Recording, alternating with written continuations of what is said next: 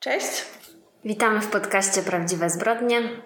Właśnie musiałyśmy wyprosić Lucynkę z pokoju. Wiem, że niektórzy słuchacze tęsknią za nią, także ma się dobrze. A ja musiałam się przedzierać przez zaspy śnieżne, żeby dotrzeć do mieszkania Karoliny. Tak. I zobaczymy, to może okazać się błędem z naszej strony, bo ostatnio jak po długiej przerwie nagrywałyśmy u mnie, to było takie echo tak, no na pewno jest różnica, jak nagrywamy w jednym i w drugim miejscu, no ale to jest naturalne, jakby nie mamy swojego profesjonalnego tak. studia, także myślę, że przebrniemy wszyscy przez to razem. E, mamy nadzieję, że u Was wszystko w porządku. Postanowiłyśmy też odnieść się do tego, co się działo w zeszłym tygodniu. Jestem też ciekawa, ile osób faktycznie odczuło jakiś dyskomfort, ale na pewno osoby, które podzieliły się swoimi opiniami na YouTubie w komentarzach pod naszym ostatnim odcinkiem, dały do zrozumienia, że nie podobało im się w jaki sposób ja moją historię opowiedziałam. No i w ogóle chyba nasza rozmowa dotycząca tej historii. W każdym razie mamy nadzieję, że jasnym jest, że my nigdy nie robiłyśmy tego i nie będziemy bronić, nie wiem, gwałcicieli, pedofilów i innych tego typu osób, jakby ta rozmowa była o czymś innym. No i też y, ciekawa refleksja dotknęła nas już po fakcie, bo chyba tak bardzo dobitnie ja przynajmniej zrozumiałam, że jeżeli coś się wypuszcza do internetu, co słucha wiele osób o różnych poglądach, to ta historia jak trochę taki artystyczny wytwór po prostu idzie sobie w świat i żyje swoim życiem i może być zinterpretowana przez wszystkich na wielorakie sposoby. Tak. I do tej pory chyba nie miałyśmy takiej sytuacji, żebyśmy zostały zrozumiane tak kompletnie inaczej niż nasz zamiar był, także... Oczywiście też, broń Boże, to nie było tak, że przez wszystkich, jakby chciałyśmy się tylko do tego odnieść, żebyście sobie nie myśleli, że my tam nie czytamy, co mówicie. No i w zasadzie to chyba tyle. Tak, no na pewno ja bym nie chciała, żeby doszło do sytuacji kiedykolwiek, że jakieś nasze słowa będą wyrwane z kontekstu i interpretowane w zupełnie inny sposób niż był nasz zamysł, ale z drugiej strony nie mamy żadnej kontroli nad tym. Dlatego cóż możemy zrobić? Tak, tak. I to w sumie jest zabawne, bo my odsłuchujemy obie wszystkie odcinki, zanim one pójdą w dal w dal? Nie. W, no, w świat. W świat, tak, dziękuję.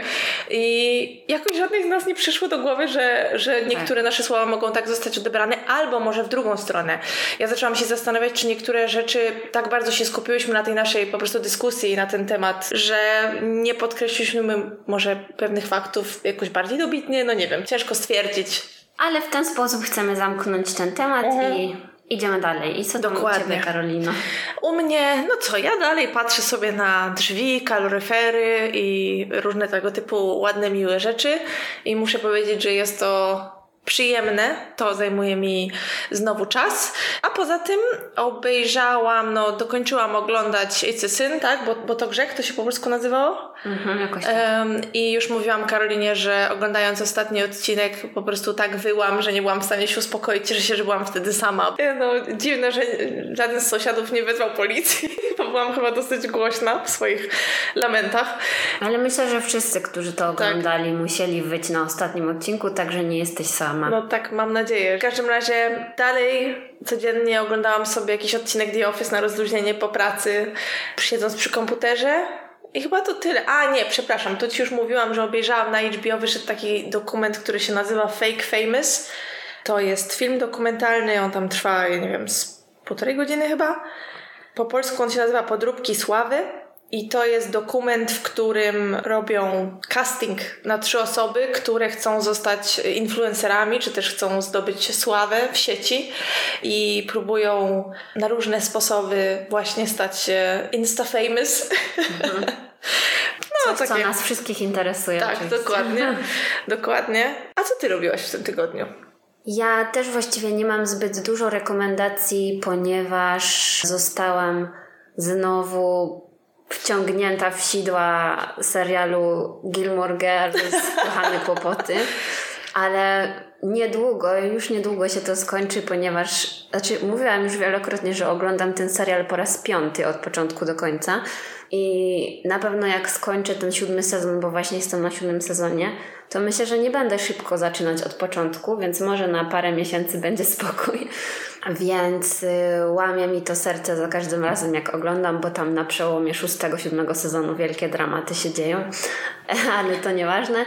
A z takich y, ciekawostek y, to dokończyłam serial, który nazywa się Homecoming i kiedyś dawno temu i jeszcze jak chyba z początku nagrywania podcastu pamiętam, że mówiłam o tym, bo serial powstał na podstawie podcastu i tam on jest publikowany na Amazon Prime Video i w pierwszym sezonie główną rolę grała Julia Roberts.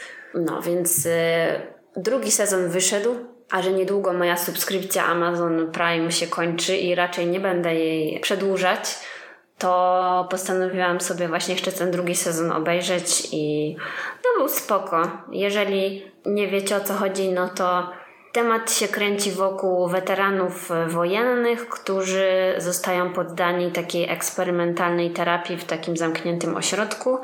No w skrócie mówiąc, robią im tam pranie mózgu. A w tym drugim sezonie główną rolę gra taka piękna aktorka, piosenkarka, której imienia trochę boję się wypowiadać, bo nie umiem, ale powiedzmy, że się nazywa Janelle Monae, coś takiego. No, więc e, ona tam fajnie gra. No i obejrzałam to do końca, ale nie było to jakieś takie porywające, więc no nie wiem. To tyle z mojej recenzji.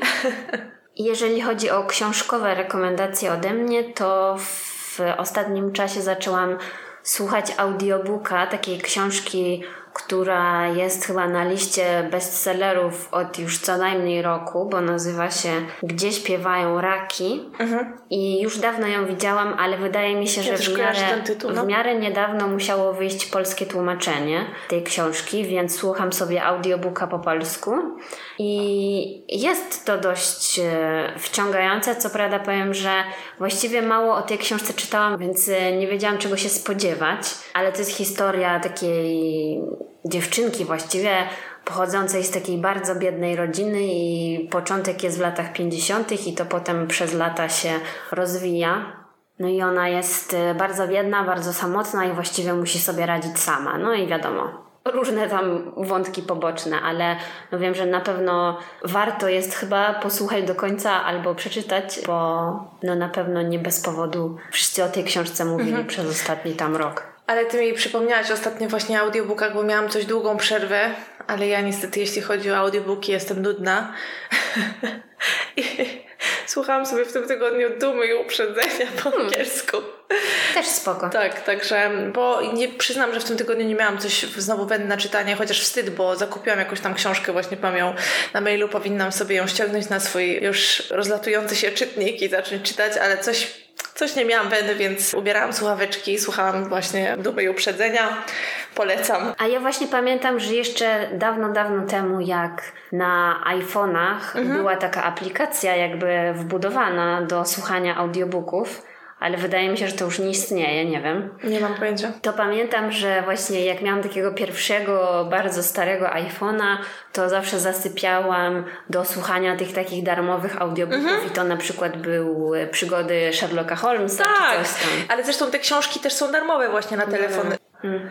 No dla mnie to jest nowe w sumie doświadczenie i w przeciwieństwie do tego, co mówiłam w ostatnim tygodniu, to teraz mogę coś polecić, dlatego że jest to dla mnie poniekąd za darmo i myślę, że dla części Was też może być, bo ja mam e, kartę multisport. Mhm. Myślę, że dużo osób w Polsce ma kartę multisport i jako, że teraz wiadomo jest problem, żeby ją w ogóle wykorzystać, to tam zrobili jakieś różne dodatkowe opcje i jedną z opcji właśnie jest e, darmowa książka z Legimi. Mhm.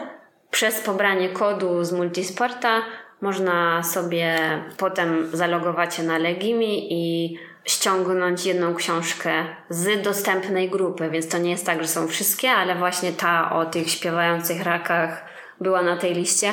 więc mogę ją sobie albo słuchać jako audiobook, albo czytać. Także w sumie spoko. I nic, nic za to nie zapłaciłam, także mhm. brawo dla mnie.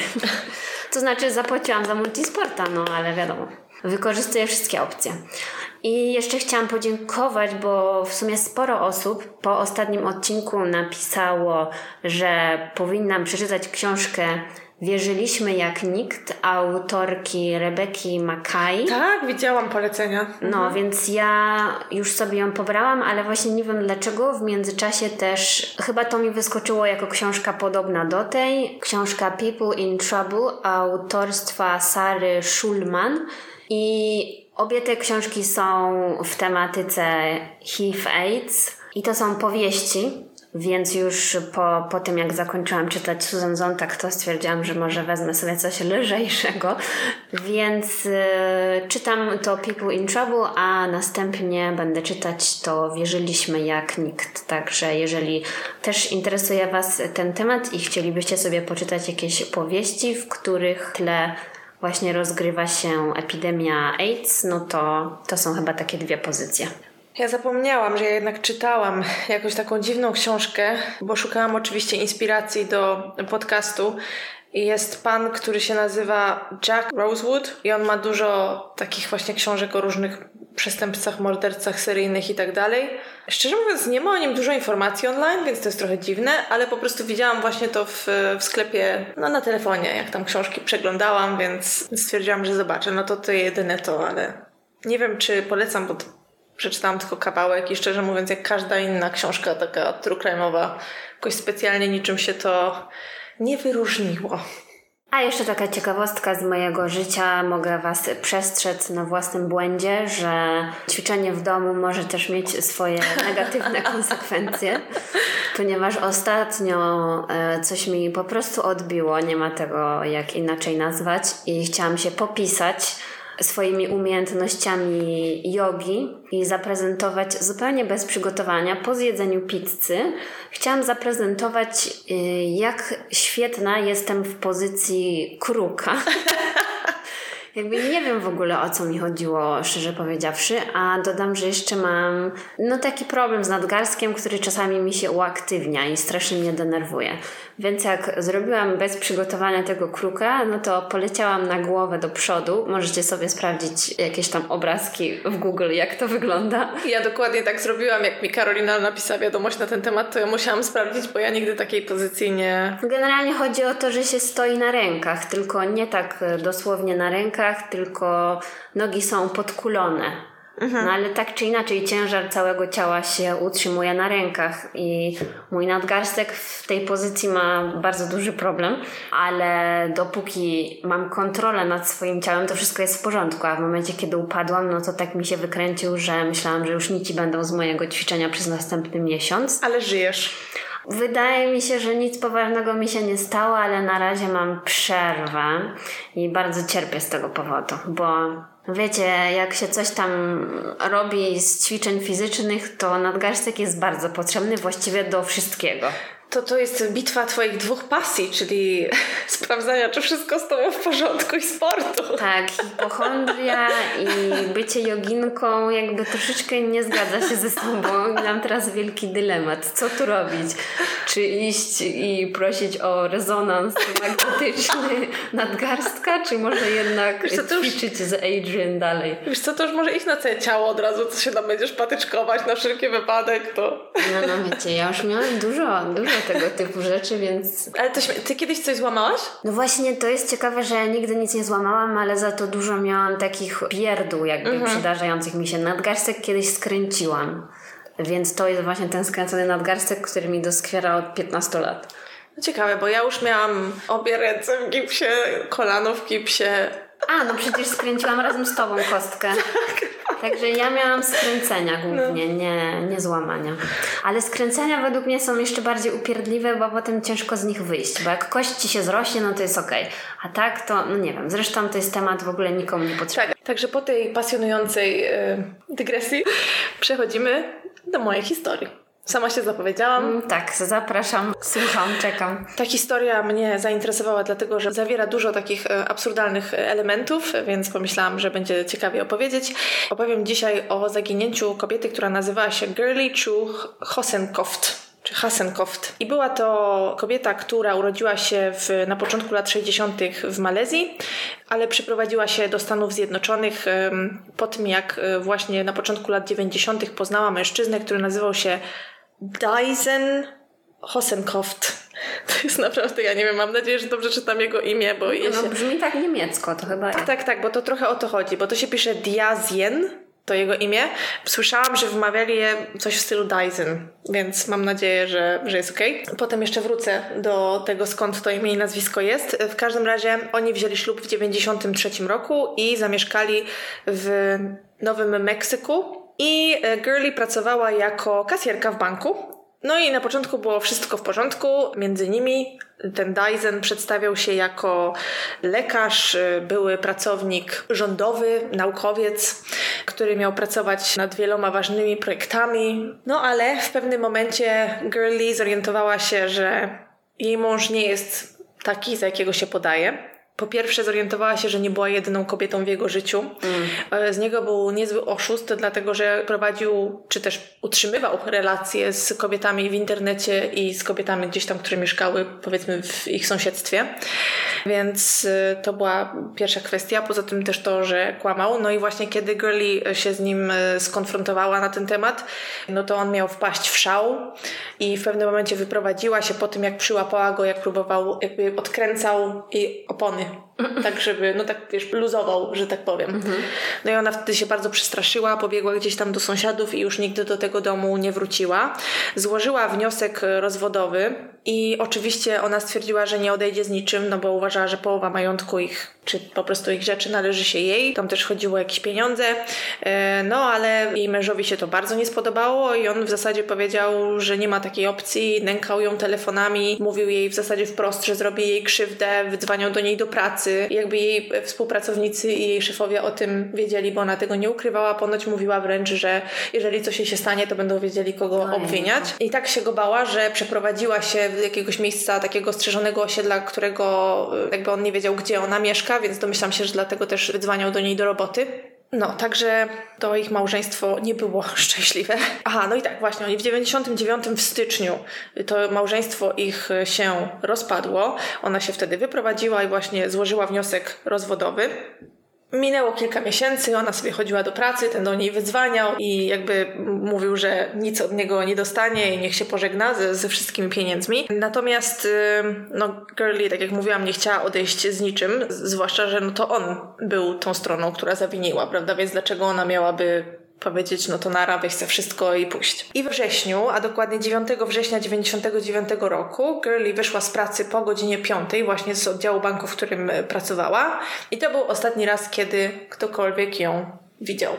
Hmm. 10 września jej współpracownicy zgłosili jej zaginięcie na policję. No i oczywiście policja była zaalarmowana tym faktem, no bo były ślady tej przemocy domowej, tak? W sensie tego, że on jej groził. Dodatkowo wszyscy w jej pracy mówili, co mówiła im Girlie, tak? Na temat jej męża i tego, jaki miał do niej stosunek i że jej w zasadzie groził i że była przekonana, że jak coś się stanie, to właśnie będzie jego wina. No i policja udała się do jej mieszkania. W tym mieszkaniu nie zastali jej, natomiast y, zastali mokre plamy na dywanie, hmm. które po sprawdzeniu okazało się, że to były plamy po czyszczeniu wybielaczem. No niech to. Oczywiście y, przebadali to i okazało się, że próbowano tym wybielaczem szokując, wiem, że wszyscy są teraz w szoku, y, wyczyścić krew. Nigdy o tym nie słyszeliśmy jeszcze do tej pory.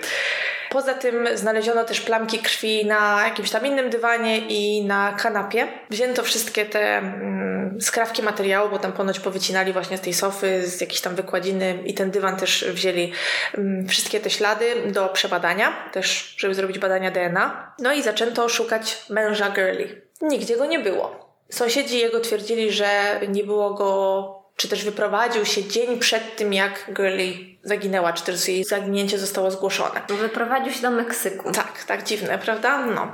Przeprowadzając oczywiście wywiad, tak, przepytując różnych ludzi, szybko okazało się, że mąż Girlie spotykał się z osobą, która nazywała się Linda Hanning. I to była kobieta, która poznała go na siłowni. I on jej się przedstawił właśnie jako ten naukowiec, tak, doktor i lekarz, tak, nie wiadomo kto jeszcze. No i tak zaczęła się ich znajomość i to było chyba sześć tygodni przed tym, jak Girlie zaginęła. I policja odwiedziła tą kobietę, właśnie mówiąc, że szukają Dysena. Natomiast ona twierdziła, że on nie wie, gdzie jest, zgodziła się nawet pojechać e, na policję. A jeszcze w międzyczasie, po tym jak zostało zgłoszone zaginięcie Girlie, pracownicy drogowi, którzy gdzieś tam wykonywali jakieś prace przy autostradzie na pustyni w okolicach tamtego miasta, znaleźli zakrwawione ubrania w takim bardzo, bardzo małym rozmiarze, a także taką plandekę dużą, kawałki taśmy i wszystko we krwi oczywiście. I zostało to oddane na policję i okazało się, że były to ubrania, które należały do Girlie właśnie. Krew z tych ubrań również y, przebadano. Tak jak mówię, wszystko potwierdziło się, że jest to krew Girlie, ale ciała nigdzie nie było. Kiedy policja wezwała Lindę na to oficjalne przesłuchanie, na które oczywiście ona się zgodziła, to zaczęto jej zadawać pytanie o jej relacje z tym Daisenem, o to jak się poznali, czy zna Girlie, czy coś o niej słyszała. Ona oczywiście twierdziła, że nie wie gdzie on jest, że nigdy Girlie nie poznała, że nie poznałaby jej na ulicy, bo ona nawet nie wie jak ona wygląda i że w zasadzie to są znajomymi, a prawda była taka, że oni mieli romans. To raczej lepiej przy zeznawaniu na policji nie kłamać. No tak, no ale ona jakby, no nie wiem, szła w zaparte, twierdziła, że go nie ma, nie wie gdzie jest. W ogóle na początku to też dała mu jakieś alibi, bo mówiła, że widziała się z nim właśnie w ten dzień, kiedy miała zaginąć Girlie i oni się wtedy widzieli, no ale w tym momencie, kiedy rozmawiała z policją, to mówiła, że nie wie, gdzie ten Dyson jest. I też sama Linda jest dosyć ciekawą osobą, dlatego że ona urodziła się w Kalifornii, z tego co pamiętam. Pochodziła z no, takiej no, zwykłej rodziny, natomiast jej rodzice się rozwiedli, jej ojciec zniknął z jej życia, e, jak ona była dzieckiem. Jej matka ponownie wyszła za mąż. Z tego co zrozumiałam, to Linda nigdy nie była przekonana do tego ojczyma, ale była bardzo kreatywną, ładną y, dziewczyną z pomysłem na siebie, że tak powiem, bo jak skończyła liceum, to zaczęła pracować jako modelka, ale bardzo szybko zainteresowała się projektowaniem i przeniosła się właśnie do Nowego Meksyku, bo znała tam jakieś, jakieś ludzi, którzy, jak uważała, mogliby pomóc jej stworzyć jej własną markę. I tak się też stało. Spełniała się kreatywnie, gdzieś tam miała dobre życie Niczego jej nie brakowało, miała też narzeczonego, którego rzuciła po dwóch tygodniach bodajże znajomości z Daisenem. Tak, i w jednym z, z programów, chyba tym Snapped, e, wspominali, że narzeczony martwił się, ten były już narzeczony, martwił się o Lindę, bo ponoć przestała się przebierać i myć. Że co? Tak, że coś dziwnego się z nią działo. A przyjaciele Lindy mówili, że ona twierdziła, że Daisen jest ponad tysiącletnim obcym, Aha. który też tam jej, wiesz, obiecywał, że ona też ma jakieś super przeznaczenie do spełnienia i tak dalej. Razem sobie. Tak, dlatego, że ponoć jak przeprowadziła się do Nowego Meksyku, to Linda właśnie zainteresowała się y, tematem UFO, no bo w tamtych A, okolicach okay, to jest klasyk. Roswell. Dokładnie. No i oni e, właśnie oboje przynależeli tam do jakiejś takiej grupy, która się interesowała UFO. Grupy to znaczy sekty. E, znaczy ponoć tam dużo ludzi się tym, że tak powiem, pasjonuje, tak, jako Nie, hobby. A Linda bardzo w to wszystko wierzyła. Policja w pewnym momencie też zdobyła listy, które do siebie wysyłali jakieś tam miłosne i na przykład Linda też tworzyła rysunki reptylian i obcych, bo ona twierdziła, że reptylianie przylatują na Ziemię i oczywiście w postaci ludzkiej gdzieś tam rządzą no jakieś dziwne, dziwne rzeczy i że Ziemia ciekawe. nie jest ludzi tak naprawdę, tylko właśnie wiesz, tych A obcych. czy Ziemia jest płaska? O tym nie wspominała chyba, ale są fragmenty jej wypowiedzi na ten temat. No i właśnie ona miała być, miała zostać królową według Deizena, więc tam jej naobiecywał ogólnie. No to takie bardzo fajne obietnice. Tak. Kto by nie chciał czegoś takiego usłyszeć? Tak, no i właśnie poza tym, że ona rysowała tych obcych i tych reptylian i w ogóle nie wiem jeszcze kogo, to był też taki rysunek jej w outficie takim wojowniczki z mieczem, hmm. który właśnie miała, nie wiem, mieć na sobie chyba jak będzie walczyć o ziemię i o jej e, losy. Wow, bardzo ciekawe. Tak, tak. Znaczy, przepraszam, ja nie, mów, nie potrafię mówić tego poważnym tonem, więc, więc dlatego tak się troszkę tutaj podśmiechuję. W każdym razie, no ewidentnie ten Dazen omotał tą Lindę do tego stopnia, że no, przestała się myć i uważała, że jest królową. Ale nie rozumiem, co ma w tym brak mycia. Jakby nie, nie wiem, nie wiem właśnie, ale... Walka przeciwko UFO poprzez, nie wiem, jakiś odór ciała, czy co? Szczerze mówiąc, nie wiem, ale po prostu tak mi się zapamiętałam to tak właśnie, to chyba w tym Mówili właśnie tak, bo tam widziałam jakieś kilka programów na ten temat, ale tam to wspominali, tak to zapamiętałam. Mm. Że ten narzeczony się właśnie o nią zmartwił, bo nagle się Linda po prostu zmieniła z kobiety zadbanej w taką średnio zadbaną, no ale no nie wiem, no. Może miała ważniejsze rzeczy do roboty niż mycie się. Mówisz obrona ludzkiego gatunku, a codzienne tak. mycie, no to nie wiem, co jest ważniejsze. Dokładnie. Poza tym, że policja tam bardzo pilnie pracowała w laboratorium, żeby przebadać wszelkie możliwe ślady, najmniejsze plamki krwi. Ponoć, wiesz, ściągali taśmą każdy najdrobniejszy ślad z takiego dywanu, który gdzieś tam był u Girlie w salonie, w poszukiwaniu włosów, no czegokolwiek, tak? I znaleźli też tam dużo ciekawostek potem do tych rzeczy, które znaleźli w dywanie przejdę. Odkryli też, bo postanowili przyjrzeć się Lindzie bliżej i odkryli też, że Linda kłamała, ponieważ znała Girlie wcześniej, musiała ją znać, bo przejrzeli wyciągi Lindy i okazało się, że Linda na przestrzeni tam ostatniego roku zmieniła swój oddział banku i zaczęła o dziwo chodzić do tego oddziału banku, gdzie pracowała Girlie w ostatnim tam czasie, tak, przed śmiercią Girlie. Mhm. I właśnie też na jednym z takich wyciągów jakiejś operacji było napisane, że właśnie to Girlie była jej kasjerką. Hmm. Przypadek? Nie sądzę. Nie sądzę, dokładnie.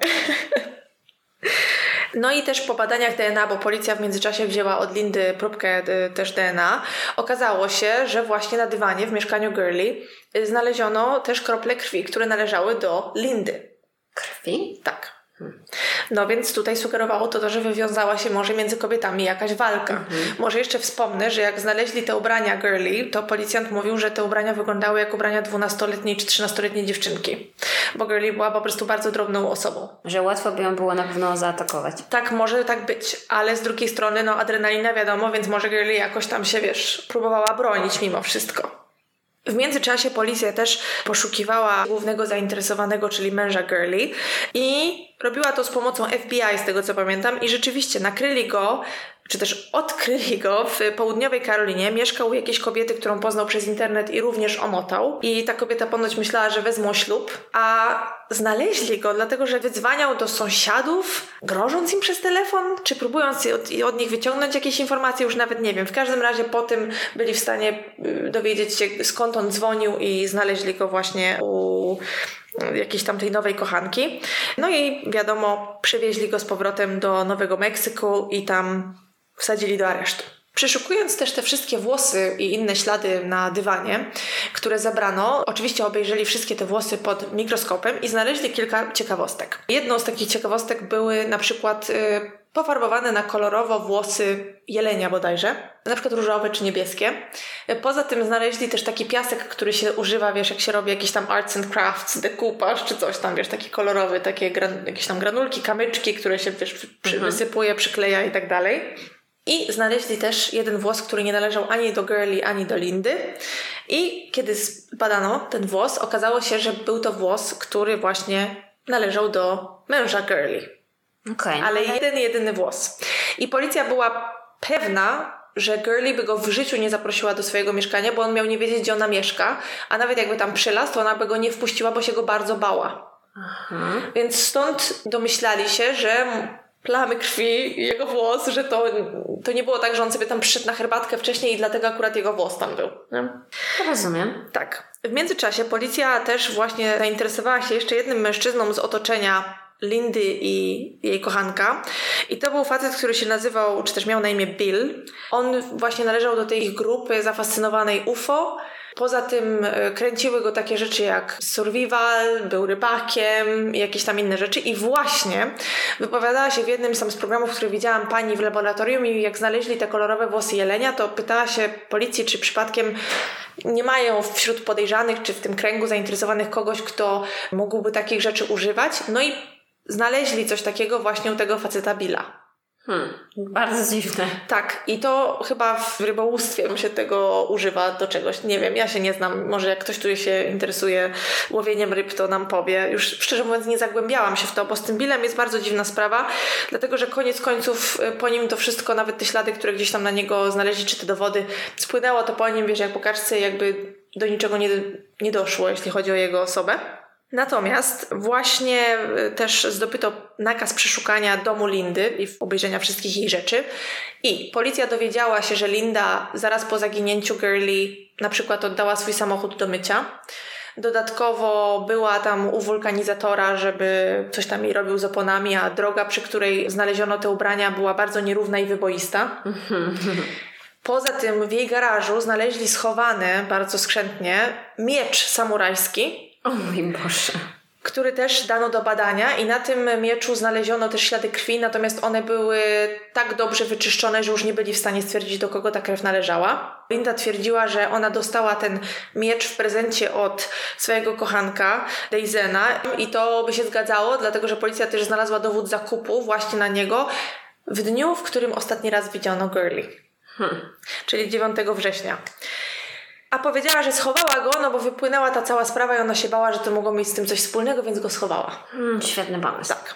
A i poza tym te kamy, kamyczki kolorowe, o których wcześniej wspomniałam, znaleźli u niej pudła po prostu te z buteleczkami, właśnie z takimi różnymi y, kamyczkami i tak dalej. Natomiast mówiłam, no kreatywna kobieta była, więc tam może się lubiła bawić y, takimi już hmm. jakieś do it yourself i tego typu rzeczy. No i pod koniec października Linda została już aresztowana i po kilku tygodniach została już oskarżona właśnie o morderstwo Girlie. To samo stało się z Dysonem. I Dyson to też w ogóle był tragiczny człowiek. On chciał chyba zostać lekarzem, ale nie dostał się do szkoły odpowiedniej, tak? I zamiast znaleźć sobie inny zawód, to postanowił zostać oszustem i naciągał bardzo wiele osób, udając czy podając się za naukowca czy lekarza. Ludzie na przykład inwestowali w jakieś jego nieistniejące eksperymenty, mm, a głównie, uwaga, zarabiał na tym, że oferował kobietom, że je odmłodzi i wstrzykiwał im serum młodości, które prawdopodobnie było witaminą B12. Ale co w twarz? Nie, nie pytałam, w każdym razie miały im podawać jakieś zastrzyki, e, które miały je odmłodzić i nawet w jednym z programów wypowiadała się kobieta, która była z nim związana i ona właśnie mówiła, że on może jej zaoferować w zasadzie, wiesz, wieczną młodość. Hmm. Ale też były mniej śmieszne historie, bo ponoć też naciągał osoby, które były naprawdę chore, udając, że jest w stanie je wyleczyć. Hmm. I tak na przykład potrafił um, nabrać jakieś kobiety, które na przykład były chore na raka prawda? Czyli no to już poważne, poważne sprawy to nie to, że ktoś chce mieć mniej zmarszczek na czole, tylko po prostu to już jest zabawa z czyimś życiem, tak? I w ogóle to imię nawet jego nie było prawdziwe. On tak naprawdę nazywał się Armand Chavez i pochodził z Teksasu. Też urodził się tam w połowie lat 60. I on twierdził często, że był chirurgiem, że skończył chyba jakieś dwa uniwersytety, jeden w Tokio, drugi gdzieś tam. Więc ogólnie typ miał naprawdę wybujałą wyobraźnię, a on to imię i nazwisko zmienił i to miało być jakaś kombinacja japońskich i niemieckich imion, mhm. czy też nazwisk, bo on uważał, że to są jakieś po prostu, wiesz, najlepszy rodzaj ludzi, Japończycy i Niemcy, więc już to, znaczy w sensie jakby... O, to wiadomo, jaki miał zapęd. No właśnie, no. o to mi chodzi. Nie chcę, żeby to się zabrzmiało, ja nie mam nic przeciwko Japończykom i Niemcom, tylko jak tak się zastanowi człowiek nad tym chwilę, to tak dosyć konkretne kraje sobie wybrał. No, wiadomo o co chodzi, ale tak. nie możemy powiedzieć, ale ciężko bo zaraz będzie... Nie, ale w ogóle ciężko stwierdzić, czy to rzeczywiście jemu o to chodziło, czy po prostu, nie wiem, no... W każdym razie, najpierw doszło do procesu Dysona. Paskudny typ ci powiem. Wszystkie nagrania, na których on jest, on się uśmiecha, bawi się w najlepszym, ruga do kamery. Jakiś absurd po prostu. I on przestraszył się prawdopodobnie kary śmierci, bo tam też właśnie detektyw, który prowadził tą sprawę, wypowiadał się, że w, podczas procesu był wykonany wyrok śmierci i on się chyba przestraszył, że jego spotka to samo i on zaskoczył wszystkich, bo postanowił przyznać się do stawianych mu zarzutów, mm. ale oczywiście dogadał się, no i dostał dożywocie, tak, a nie karę śmierci. Ale co dziwne, on powiedział, że Linda nie miała z tym nic wspólnego i że to Bill właśnie mu pomagał i, i, że to oni we dwójkę mieli się tym zająć. Tyson powiedział, że on nie ma pojęcia, gdzie jest ciało, że on nie wie, co się z tym stało. Podział był taki, że Bill miał to załatwić, a on miał posprzątać. Więc y, to ciekawa sprawa. Potem doszło do procesu Lindy właśnie. No i obrona Lindy twierdziła, że w ogóle nie ma ciała, o co chodzi, że sam e, ten Dyson powiedział, że ona nie miała z tym nic wspólnego i ogólnie twierdzili, że jest niewinna.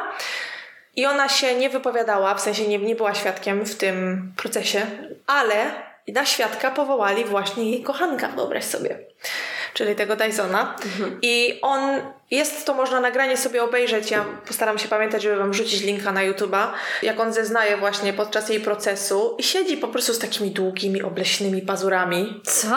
Tak, nawet to jeden detektyw wspomniał ja dopiero wtedy zwróciłam uwagę, że on tak siedział z takimi długimi pazurami, machał ręką i tak mówił, że on podłożył krew Lindy, w sumie nawet nie po to, żeby ją wkopać, tylko chyba, żeby spowodować jakieś, wiesz, zamieszanie, czy jakoś... Zyskać może więcej Może, tak. I że on nie wie, wie, co się potem tam z, z ciałem stało, bo te ubrania, tak jak wspominałam wcześniej, zostały porzucone na pustyni i tam było mnóstwo jakichś takich starych kopalń. I było tam tego tyle, że mimo bardzo długich poszukiwań, bo wiesz, jakby te procesy, o których ja mówię, to był już 2002 rok, więc już, już minęło mhm. trochę czasu. Oni y, zaraz po tym, jak Girlie zaginęła, to przeszukiwali tam ten teren wielokrotnie, wiesz, na różne sposoby, z różnych, po, i z ziemi, z powietrza, chyba też z tego, co pamiętam, więc no naprawdę starali się to ciało odnaleźć. No natomiast to spłynęło na niczym. I Kolejna rewelacja poza zeznaniami Dysona, aha, bo on w ogóle powiedział tak, że Girlie wiedziała, że będą na nią polować jak na psa, którym była i uciekała jak jakiś tam kró- przestraszony królik przez otwarte pole, wiedziała. I wiesz, on takie rzeczy mówił o niej. W ogóle mówił, że nie żałuje, że w dupie to ma i że w sumie też go nie obchodzi, co się stanie z Lindą, że jak dla niego to mogą jej dać śmiertelny zastrzyk i on ma to gdzieś, bo w sumie jedyne co zrobią, to zabiją jego kolejną ofiarę. I on w międzyczasie, wiesz, na tej sali sądowej se siedział, uśmiechał się, mówiąc takie rzeczy. I mówił, że a, jego to nie obchodzi, co z Lindą zrobią. Że w sumie to on tylko mówi, jak była, a co się z nią stanie, to on ma gdzieś. To dziwne w sumie, że zeznawał w ten sposób, żeby jej pomóc. No, no Jeżeli właśnie. z drugiej strony go nic nie obchodziło, no nie wiem. A Linda, jak oglądałam jakieś nagrania z jej wypowiedzi, cały czas miała mimo wszystko miłe rzeczy do powiedzenia na jego temat. I mówiła, że jakaś cząstka jej zawsze będzie go kochać. Mm. Także niezły był z niego manipulator. I Linda jeszcze twierdziła, że w dowody, które były tam przebadane w laboratorium, były przebadane w zły sposób, że nie tak i tak dalej. No dużo miała ogólnie pretensji. I na koniec tego procesu była prawdziwa bomba już, bo zasugerowano, że prawdopodobnie nie, nie odnaleziono nigdy ciała Girlie, bo zostało ono zjedzone. A kto tak powiedział? I właśnie, kilka kwestii. Po pierwsze, ponoć Dyson mówił. Dyson, jak ten odkurzacz? Dyson? Dyson.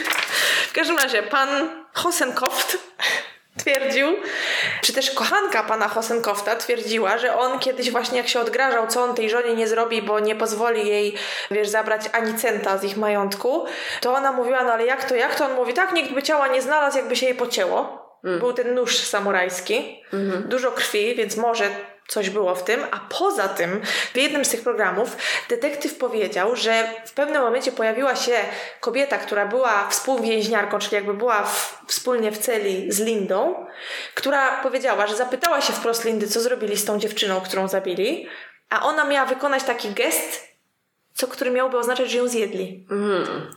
Fuj. Więc naprawdę jest to jakaś absurdalna po prostu sprawa. Ja nie wiem, tam ja połowy rzeczy w ogóle, które tam się wydarzyły, ja nie rozumiem. Mm. E, I w procesie też Lindy wypowiadali się jej znajomi, ludzie z jej otoczenia. I to dużo dało, jeśli chodzi o to, jaki motyw mogła mieć Linda, żeby brać w tym udział. No bo to, że e, pan Hosenkoft był zwykłym po prostu oszustem i zależało mu tylko na kasie, to już było jasne. I że u niego to był motyw. Ale ponoć Linda głęboko wierzyła w to, że Girlie to jest jakaś zła królowa UFO po prostu i one, wiesz, musi ją zabić. Mhm. I takie rzeczy mówiła swoim znajomym. Mhm. I prawdopodobnie właśnie to wszystko doprowadziło do tej sytuacji. Och, daj spokój. No w każdym razie Lindzie w ogóle groziła kara śmierci. I była to chyba pierwsza kobieta tam, nie wiem, od miliarda lat, której groziła kara śmierci, tam chyba, nie wiem, od 1800 któregoś, jak podawali. Na szczęście na karę śmierci ją nie skazali, natomiast oczywiście, no, skazali ją na dożywocie, tam chyba na minimum 70 parę lat. No bo tak jak mówiłam, różne ślady zostały znalezione w mieszkaniu Girly, krew, tak? Poza tym ten miecz w jej domu, w sensie w domu Lindy i tak dalej. No dużo tutaj takich było e, dowodów znalezionych w laboratorium po prostu, więc to jest pra prawie jak Forensic Files. Linda tam starała się o to, żeby ten wyrok zmienić w późniejszych latach, to jej nie wyszło. Z tego co wiem, w 2020 to samo próbował robić yy, ten Dyson, yy, Hosenkoft i Ciało Girlie nigdy nie zostało odnalezione. Nikt do tej pory nie powiedział nic na temat tego, co się tak naprawdę z nią stało.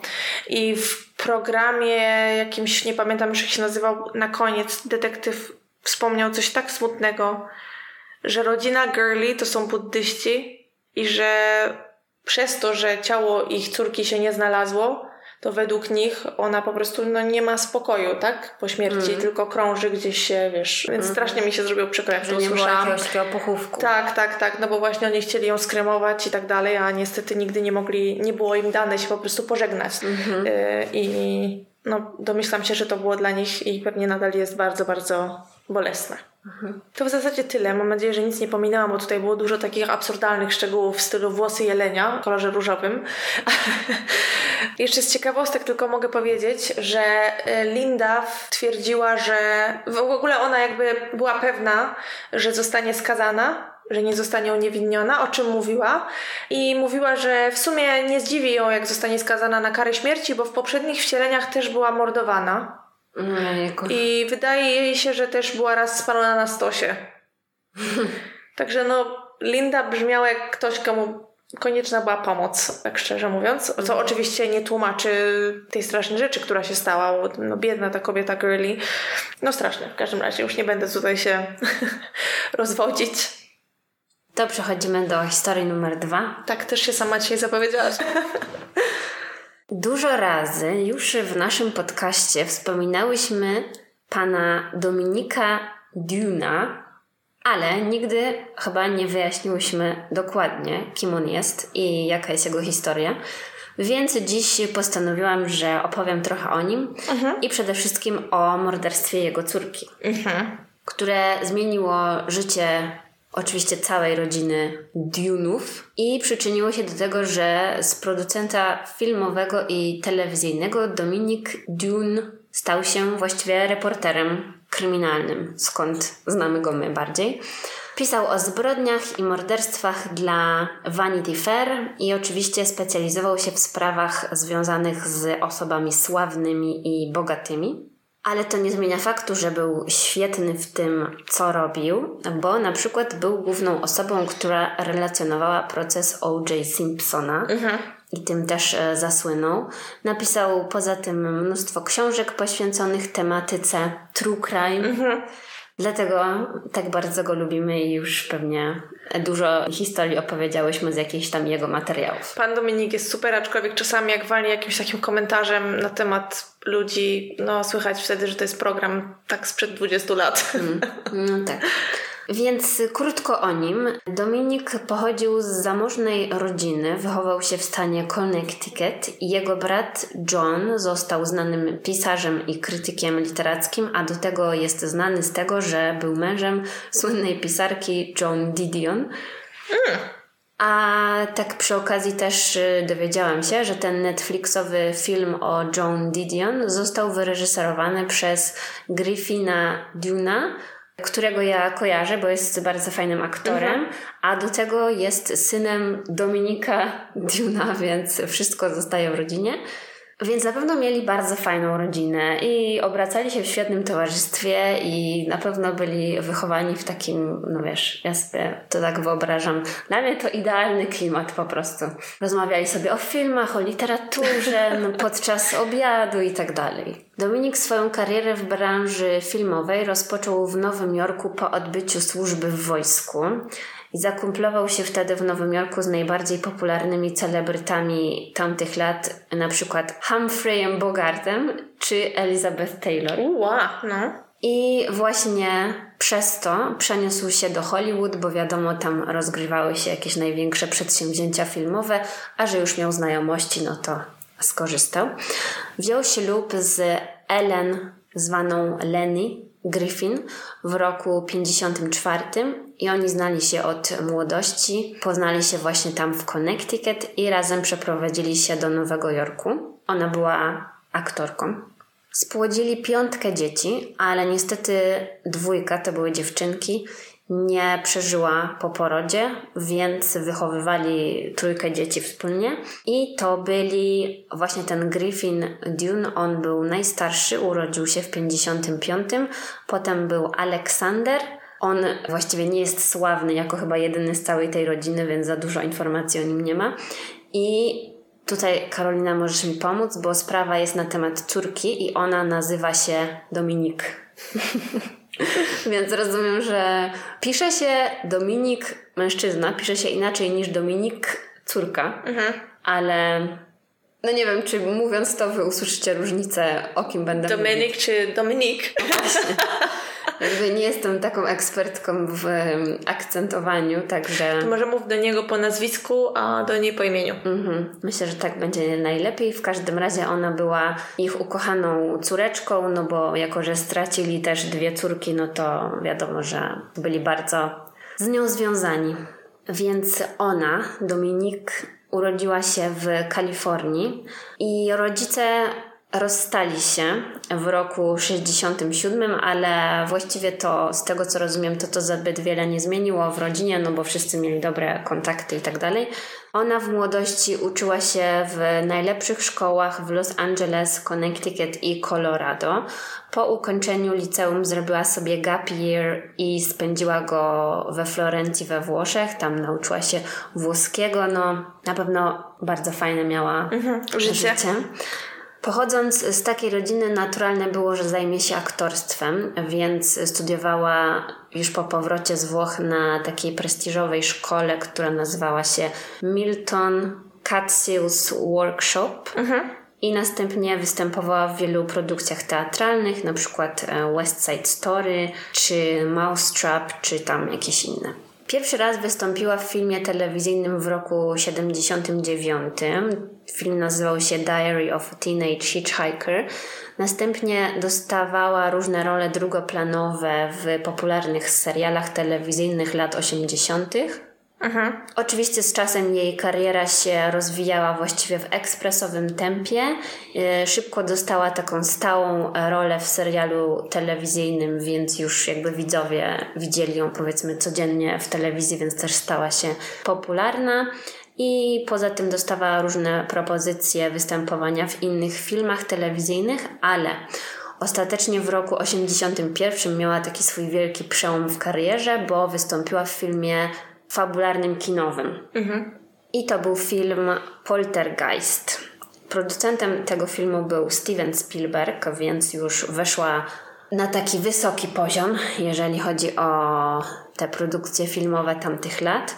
Poza tym film okazał się wielkim hitem. Też wydaje mi się, że pewnie kojarzycie chociażby ten tytuł. Mhm. Premiera tego filmu odbyła się 4 czerwca 1982 roku.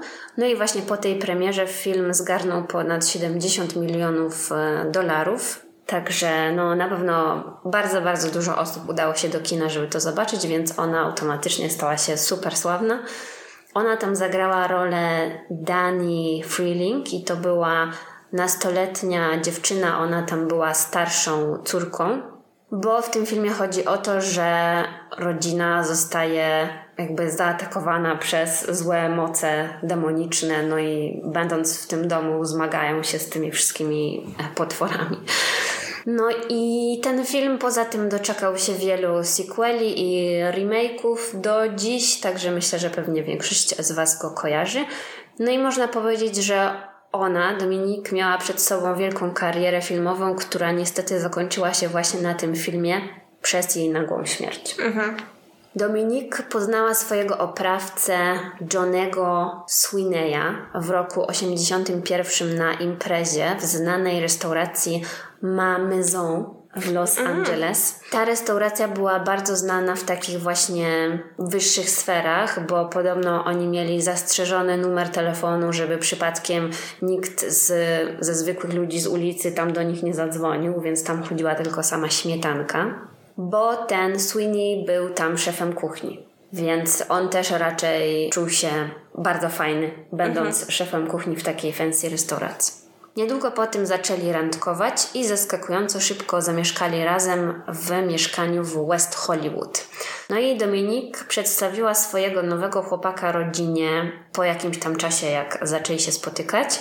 I pierwsze spotkanie z tym Sweeneyem opisuje też pan Dune w swoim artykule, który jest w sumie głównym źródłem moich informacji, więc jeżeli będę mówić o tym artykule, to będzie wiadomo, że o ten artykuł chodzi, więc podam link do niego w opisie do tego odcinka. I on tam mówi, że nikt z rodziny nie był jakimś takim wielkim fanem tego Swineya, bo wszyscy czuli, że coś jest z tym kolesiem nie tak, ale jakby nie mieli takich dowodów na to, więc no właściwie no pozwolili tej córce robić co chce, no bo nie mieli za bardzo wpływu na to, z kim mhm. ona się spotyka, wiadomo. I też ufali jej, że no podejmie po prostu mądrą decyzję, kiedy będzie trzeba. No i na tym właśnie spotkaniu rodzinnym Dominik dała im do zrozumienia, że nie planuje brać ślubu z tym mężczyzną. No i wszyscy też zauważyli, że ten Sweeney był zdecydowanie bardziej wkręcony w nią niż ona w niego. I na przykład te bracia Dominik byli świadkami dziwnego zachowania Sweeneya w restauracji, kiedy właśnie mieli jakieś tam wspólne spotkanie, bo ona została rozpoznana przez fana filmu Poltergeist i ten mężczyzna po prostu zaczepił ją jak taki zwykły fan, coś tam skomentował jej rolę, zacytował jakiś tam kultowy tekst, no i wiadomo, to jej się wydaje mi się zdarzało dość często po premierze tego filmu, więc nie było w tym nic dziwnego. Ale ten Sweeney wściekł się i zrobił taką publiczną awanturę tam wtedy w tej restauracji, co właśnie tych braci bardzo zaniepokoiło i tak sobie pomyśleli, hmm, ten koleś jest chyba trochę dziwny. Na pewno to znaczyło, że miał temperament i że za bardzo nie umiał się zachować i że był bardzo zazdrosny o Dominik. I takich incydentów było kilka, ale nikt z rodziny nie spodziewał się, że może to doprowadzić do czegoś tragicznego, oczywiście. Pojawiały się też pogłoski, że Sweeney ma jakieś problemy z ludźmi ze swojej pracy w tej restauracji Ma Maison i że planował odejść i założyć swoją własną restaurację, więc ogólnie wydawał się takim podejrzanym typem, który za bardzo z nikim nie potrafił się dogadać. Z czasem, ale oczywiście za późno już, okazało się, że Sweeney był w stosunku do Dominik agresywny, a ich kłótnie wymykały się spod kontroli, bo oczywiście bił ją i znęcał się nad nią psychicznie. Podobno podczas jednej z takich kłótni, co było w sierpniu 82 roku, wyrwał jej garść włosów z głowy. Po tym incydencie Dominik uciekła do domu swojej matki, a Sweeney pobiegł za nią, tam walił w drzwi i okna, zrobił wielką awanturę, że wszyscy to słyszeli. Chciał, żeby go wpuściły do środka. Oczywiście matka nie zgodziła się, żeby go wpuścić i zagroziła, że wezwie policję, jeżeli się nie uspokoi. Niestety, po kilku dniach od tego incydentu Dominik wróciła do ich wspólnego mieszkania, no i żyli sobie dalej, wspólnie. Z kolei we wrześniu 1982 roku, przy okazji kolejnej kłótni, Sweeney prawie ją udusił, bo tak się rzucił na nią, że złapał ją mocno za szyję, no i prawie ją udusił. Na szczęście w mieszkaniu w tamtym czasie był też ich znajomy, który jak usłyszał takie niepokojące dźwięki kłótni czy też przepychanki, no to wpadł tam i po prostu ją uratował, bo nie wiadomo, co by się stało, gdyby go tam nie było. Wtedy Dominik powiedziała temu swojemu koledze, że Sweeney próbował ją zabić, ale ten Sweeney zaprzeczył i powiedział Dominik, żeby się tam uspokoiła i wróciła do łóżka, bo nic się nie stało. No, okej. Okay. Ona udała, że się zgadza i że wszystko jest ok, ale jak już on położył się do łóżka, to ona wymknęła się z tego domu i wyszła przez okno w łazience do swojego samochodu. On oczywiście usłyszał, że ona próbuje jakoś zbiec i wybiegł z tego mieszkania i wskoczył na jej samochód i próbował ją zatrzymać. No po prostu zachował się jak taki totalny wariat. Na szczęście udało jej się uciec tym samochodem, bo w końcu jakoś on spadł z tego samochodu, no nie wiem, ona była szybsza. I przez kilka następnych dni pomieszkiwała u matki i u znajomych, więc ogólnie osoby z jej otoczenia wiedziały, że z tym kolesiem jest coś nie tak i że ona się go boi. No ciężko się nie domyślić w takiej sytuacji, no. No więc to już przelało szale goryczy i ona już po tej akcji zadzwoniła do niego i powiedziała, że z nimi jest koniec. Zmusiła go, żeby się wyprowadził, zmieniła zamki w drzwiach, no i myślała, że ten koszmar już jest za nią. O tych incydentach musiała wiedzieć jej matka, która właśnie mieszkała w Los Angeles, niedaleko niej, ale jej bracia i ojciec mieszkali w Nowym Jorku, więc prawdopodobnie ona się im nie chwaliła po prostu z tych wydarzeń, no bo domyślam się, że to nie było nic takiego, czym chciałabyś się chwalić swojej rodzinie, no nie wiem. No ale ostatecznie właśnie zadzwoniła do tego ojca i powiedziała mu o rozstaniu i wytłumaczyła to w ten sposób, że ten Sweeney jej nie kochał, tylko ona czuła, że ma obsesję na jej punkcie i że doprowadzał ją do szału. I to cytat. Mhm. No to dobrze, znaczy już, już się bałam, że powiedziała coś w stylu, nie wiem, różnica opinii, nie? albo hmm. inne cele w życiu. Niestety, jak w wielu tego typu historiach bywa, no ten mężczyzna nie dał tak łatwo się spławić i nie dał jej spokoju. W kolejnym miesiącu, a dokładnie 30 października 1982 roku, Dominik była w mieszkaniu ze swoim kolegą z pracy, Davidem Packerem, oni przygotowywali się właśnie do jakiegoś tam nowego filmu i ćwiczyli swój dialog. I ona rozmawiała przez telefon i dokładnie nie rozumiem, jak to technicznie się wydarzyło, ale jak była na tym telefonie, to Sweeney kazał operatorowi linii telefonicznej rozłączyć jej rozmowę z koleżanką, żeby móc dostać się do tego jej telefonu i z nią porozmawiać. W sensie, no bo wiadomo, to są telefony stacjonarne domowe, więc nie wiem, ale mi jak miałby to zrobić? No ciekawe. No nieważne. No i ona jakby wiedziała, że on próbuje się do niej dodzwonić i już właśnie tak powiedziała na głos, że o mój Boże, to znowu on i że będzie musiała go spławić, więc jakby już wcześniej byli zaalarmowani tym, że on coś chce. No ale nie porozmawiała z nim w końcu przez telefon, więc za 10 minut on się zjawił u jej drzwi. Dominik najpierw rozmawiała z nim przez zamknięte drzwi, no ale on tak cisnął, cisnął, że w końcu zgodziła się te drzwi otworzyć i wyszła na ten ganek przed drzwiami.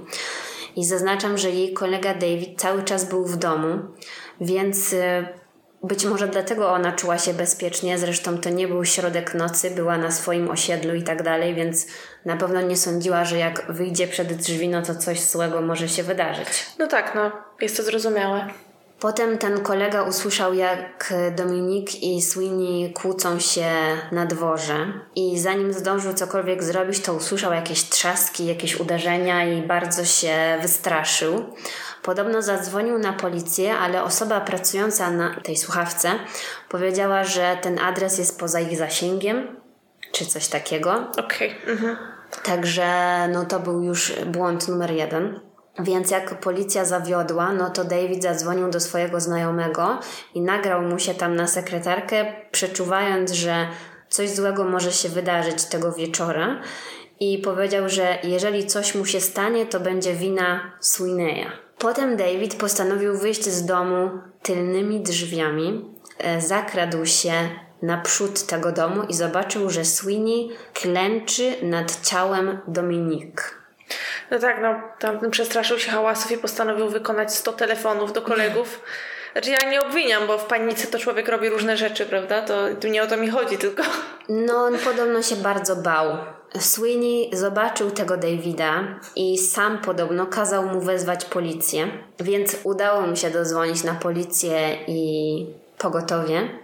Jak już na miejsce zdarzenia przyjechała policja, to podobno Sweeney podszedł do jednego z detektywów z podniesionymi rękoma i powiedział, że zabił swoją dziewczynę i że próbował zabić siebie. E, następnie Sweeney, już jak go zabrali tam na posterunek, zeznał, że kłócili się z Dominik, ale on nie pamięta, co dokładnie się wydarzyło. Pamięta tylko, że miał zaciśnięte ręce na jej szyi i koniec. Więc za bardzo on niby twierdził, że nie wiedział, co się stało. Na miejsce przyjechała karetka i Dominik została przewieziona do szpitala, bo ona jeszcze, będąc tam przed domem, jeszcze nie umarła. Mhm. Ale nie była w dobrym stanie, była nieprzytomna. Więc w szpitalu próbowali ją uratować, zrobili jej dużo jakichś tam różnych e, badań, skanów i innych, ale w szpitalu mimo wielu starań nie odzyskała przytomności i powiedzieli, że jej mózg jest już nieaktywny z powodu niedoboru tlenu. Mhm. Więc ona od samego początku, będąc w szpitalu, była podłączona do maszyn podtrzymujących ją przy życiu. Mhm. I w dniu 4 listopada 1982 roku jej rodzice oficjalnie zgodzili się, żeby odłączyć ją od tej aparatury medycznej i została wtedy oficjalnie uznana za martwą. Bo oczywiście nie było żadnej innej możliwości, żeby ją mhm. uratować, i podobno te badania robili bardzo dokładnie, znaczy nie mówię, że nie, ale jakby wiedzieli, że może to prowadzić do procesu, do sprawy o morderstwo, więc wiedzieli, że muszą mieć wszystkie podkładki ewentualnie dla sądu później, mhm. żeby móc udowodnić, że nic nie dało się zrobić i że no po prostu jest to sprawa o morderstwo, a nie o nic innego. No i na prośbę rodziny nerki oraz serce Dominik zostały oddane na przeszczep. Oczywiście od razu po usłyszeniu informacji o ataku na Dominik, cała rodzina zebrała się w domu Lenny, czyli tej matki w Los Angeles. Paparazzi, dziennikarze tłuczyli się przed tym domem przez kolejne tygodnie. Wszystkie stacje telewizyjne, gazety publikowały informacje o morderstwie Dominique Dune, no bo nie dość, że pochodziła z takiej znanej rodziny, to jeszcze już sama była sławną aktorką, więc wszyscy się jej losem interesowali. No i oczywiście najgorsze jest to, że ona kilka dni spędziła w szpitalu, więc na początku rodzina miała nadzieję, że uda się jej z tego wyjść, bo przypominam, ona miała 22 lata, jak to mhm. się wydarzyło, więc młoda, zdrowa dziewczyna.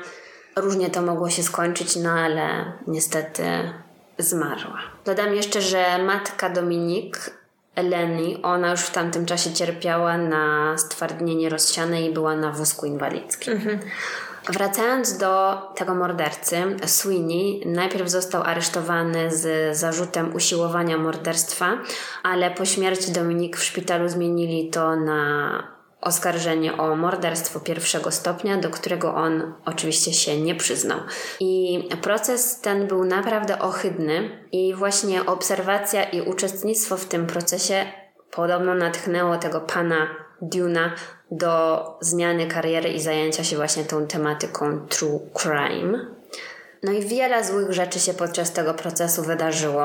E, zacznijmy od tego, że podobno w mediach odezwał się szef Sweeneya, czyli ten właściciel restauracji Mamezon, który był tak samo przyjacielem rodziny Dune i Dominik, ofiary, a z tym Sweeneyem łączyło ich tylko to, że no po prostu był jego szefem, ale w mediach postanowił właśnie przyjąć stronę Sweeneya i powiedział, że ten Sweeney jest e, bardzo prawym, młodym mężczyzną, któremu jakby on ufa i że zapewni mu najlepszych prawników do tego procesu i nigdy nie zwrócił się do rodziny Dune, żeby chociażby powiedzieć, że mu przykro czy coś takiego i złożyć kondolencje.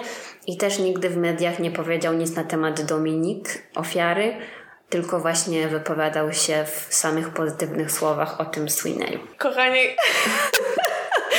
właśnie zapauzowałyśmy odcinek, bo okazuje się, że nie dość, że ja nazywam bohatera mojej historii Dysonem. No to okazuje się, że ja sobie wkręciłam, że to jest e, rodzina Dune, a czyta się Dan. Także od tego momentu już będę mówić poprawnie. Jak się pomylę, to musisz mnie tak, poprawić. Tak, wybaczcie, ale no to była długa rozkmina.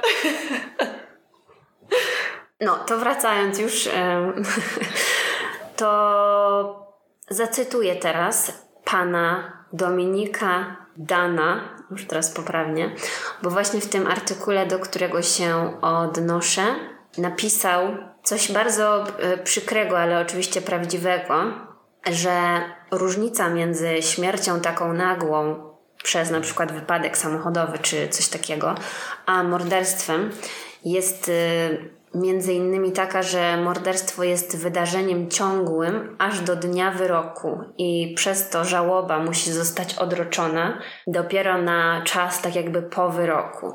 Więc no oczywiście nie jest to jakby nic takiego szokującego, ale jak pomyśli się dłużej o tym, że no naprawdę czasami rodziny ofiar muszą spędzić, no nie wiem, 5 lat nawet w zawieszeniu, bo proces jest tak rozciągany i nie mogą zaznać spokoju i są ciągani do sądu, nie wiem, atakowani przez media i tak dalej, no to jest to bardzo przykre.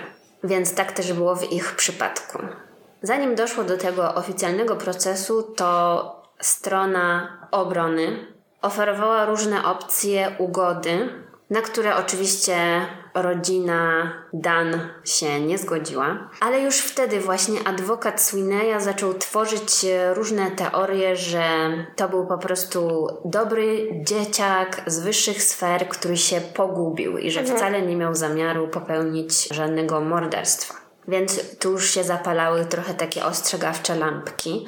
Proces rozpoczął się w sierpniu 1983 roku więc niecały rok po całym tym zdarzeniu. Sweeney ostatecznie dostał adwokata przydzielonego z urzędu, ale pomagał mu właśnie ten prawnik restauracji Ma Maison.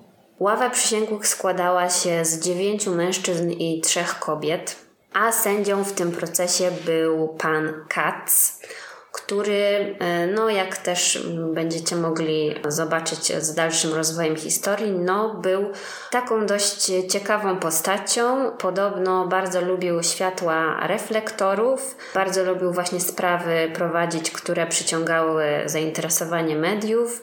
E, starał się być takim zabawiaczem ławy przysięgłych, nie stronił od jakichś żarcików tak dalej. Zachowywał się tak dość specyficznie. Podobno też y, przez wiele tygodni prowadzenia procesu wypowiadał imię ofiary właśnie w zły sposób, nazywając ją imieniem ojca. Mhm. Oczywiście to jest subtelna różnica Dominik i Dominik, jakby, no nie wiem, ale no po angielsku na pewno da się wypowiedzieć te dwa imiona poprawnie, a on z premedytacją tego nie robił. Kolejną taką skandaliczną rzeczą było to, że obrona złożyła wniosek, żeby matka Dominik, ta Leni, nie była obecna podczas procesu, dlatego że jest na wózku inwalidzkim i mogłaby wzbudzić zbyt duże współczucie w ławie przysięgłych. Co by... A jak ma zeznawać? Hmm, no. Bezczelni. Tak, no ale wiesz, chodziło o to, że ona nie powinna codziennie przychodzić do tej sali sądowej i słuchać, co się dzieje, bo by wzbudzała zbyt duże współczucie, co by mogło źle się odbić na postrzeganiu tego Swineya. No i na przykład właśnie ten, ten sędzia musiał wszystkie te rzeczy przyklepywać i wszystkie chore pomysły tego adwokata przyjmował normalnie bez problemu. Obrona też zadawała takie nie inne pytania swoim świadkom, e, właśnie żeby popsuć wizerunek ofiary Dominik, żeby zrobić z niej frywolną aktorkę, która sobie lubiła wypić i która tak samo kłóciła się ze swoim chłopakiem jak on z nią. No to jest oczywiście typowe dla, dla tamtych czasów. Ale czyli dla... co, on, przepraszam, próbował udowodnić, że nie wiem co, ona go sprowokowała, żeby ją zabił, czy co? Bo... Tak, dokładnie. Aha, ale to, to coś tłumaczy w takim wypadku? Dalej ją zabił. Nie, nie rozumiem. Co no to, no chory to pomysł. Wyjaśnię, wyjaśnię, no. ale musisz poczekać.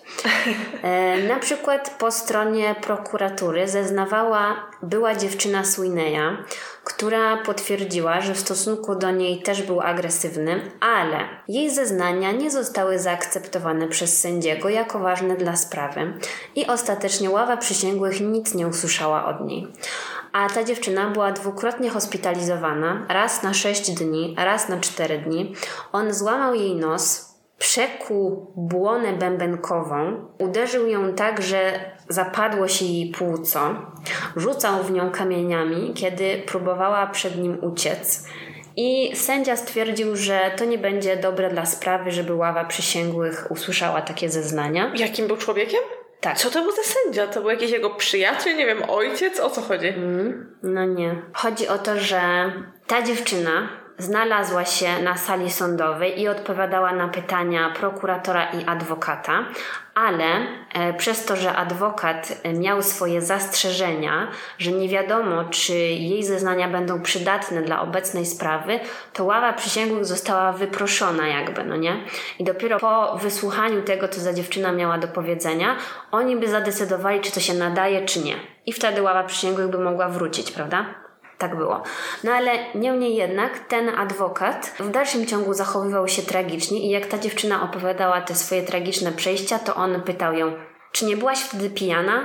Czy nie byłaś wtedy pod wpływem narkotyków? Jakby koleś Co- był co po ma prostu jedno z drugim wspólnego? tragiczny.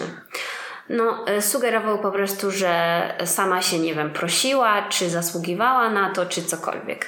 Także ten proces był naprawdę okropny. Ja chyba muszę, nie wiem, przerwę sobie zrobić. Co ty mówisz w ogóle? Co za straszne rzeczy? Co za facet? I też podczas tego właśnie wystąpienia tej byłej dziewczyny, jak Sweeney słyszał rzeczy, które ona mówi, to taka wezbrała się w nim agresja, że zaczął się rzucać, rzucał rzeczami, które miał przy sobie gdzieś na stole i zerwał się z tego swojego krzesła i musiała się rzucić na niego ochrona. Ale zaznaczam, że ławy przysięgłych wtedy nie było, więc nikt tego nie widział.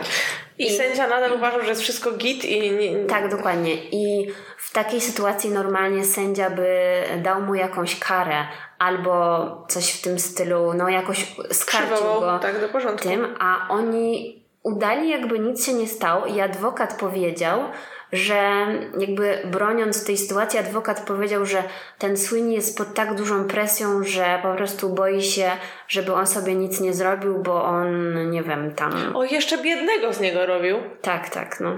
Z innych takich och- ochytstw, jakie się zdarzyły, to obrona też właśnie ten adwokat wywlókł przy wszystkich to, że Dominik podobno miała aborcję i zaskoczył tym, przesłuchując właśnie matkę. E, Matka nic o tym nie wiedziała, żeby ona miała aborcję. Nikt z rodziny o tym nie wiedział i nikt ze znajomych tej dziewczyny tego nie potwierdził. Także nie wiadomo, czy to przypadkiem nie były informacje wyssane z palca, ale tylko Ale to, po to... dalej jakby daje mu przyzwolenie na zabicie ją. O co, co, co to są za tłumaczenia głupie w ogóle? To jest jakby, wiesz, droga do e, zakończenia procesu, no i to jest część tego, żeby zrobić z ofiary tak naprawdę tutaj osobę winną wszystkiemu. Tak, tak, ja, to- ja wiesz, ja to doskonale rozumiem, tylko dalej sobie myślę, że nawet jeżeli Dominik byłaby po prostu, nie wiem, jakimś najgorszym człowiekiem, który kiedykolwiek chodził po ziemi, to i tak nie można jej zabić, w sensie... No oczywiście, ja to rozumiem. Podobnie wydarzyło się też z przesłuchaniem matki Dominik, jak w przypadku tej e, byłej dziewczyny Sweeneya, ponieważ też adwokat zabezpieczył się tak, że wyprosił ławę przysięgłych z sali, żeby przesłuchać tą matkę, bo nie wiadomo było, czy jej zeznania będą przydatne dla sprawy, czy nie, także świetne. To ława przysięgłych w zasadzie miała wolne przez połowę czasu. Aha. I kiedy matka opowiadała o tym, jak jej córka przybiegała do niej po prostu w, zdruzgotana i poturbowana przez tego niebezpiecznego mężczyznę, to tutaj obrońca znowu zgłosił jakby sprzeciw, że to nie jest e, przydatne do tej sprawy i e, również sędzia się z nim zgodził. I w ten sposób ogólnie oni wyciągnęli taki wniosek, że wszystkie relacje Dominik które ona mogła powiedzieć do na przykład jej agenta, albo do innych aktorów, albo do jej przyjaciół, albo do członków jej rodziny, dotyczące strachu przed Sweeneyem w ciągu ostatnich pięciu tygodni jej życia przed śmiercią, należy uznać za pogłoski i uznać za niedopuszczalne jako dowód. Karolina teraz z premedytacją milczy i patrzy się na mnie bardzo groźnie. To znaczy, jest to jakimś absurdem, jak ktokolwiek może się na to zgodzić. Czyli to, przesłuchujesz 20 osób z otoczenia ofiary, wszyscy mówią ci to samo, a oni, hmm, w sumie to mogą być pogłoski. Tak właśnie o to chodziło, no. Więc ja jak czytałam o tym, to sobie myślę, to w takim razie co zostało prokuratorowi do przedstawienia w tej sprawie, jeżeli wszystkie argumenty mu odrzucili. Najważniejszy to taki, że był typ w domu, słyszał, że ten ją leje, wybiegł, a y, Sweeney stał nad jej zwłokami. No to co Mhm. oni wie, więcej potrzebują? Ja rozumiem jeszcze, jakby ten adwokat próbował jakoś mówić, że to jest przypadek, nie wiem, że nie, nie przypadek, że to było niechcący, o tak, czy jak oni to tam nazywają, że on nie chciał jej zabić, że ją popchnął i ona się wywróciła, nie wiem, cokolwiek.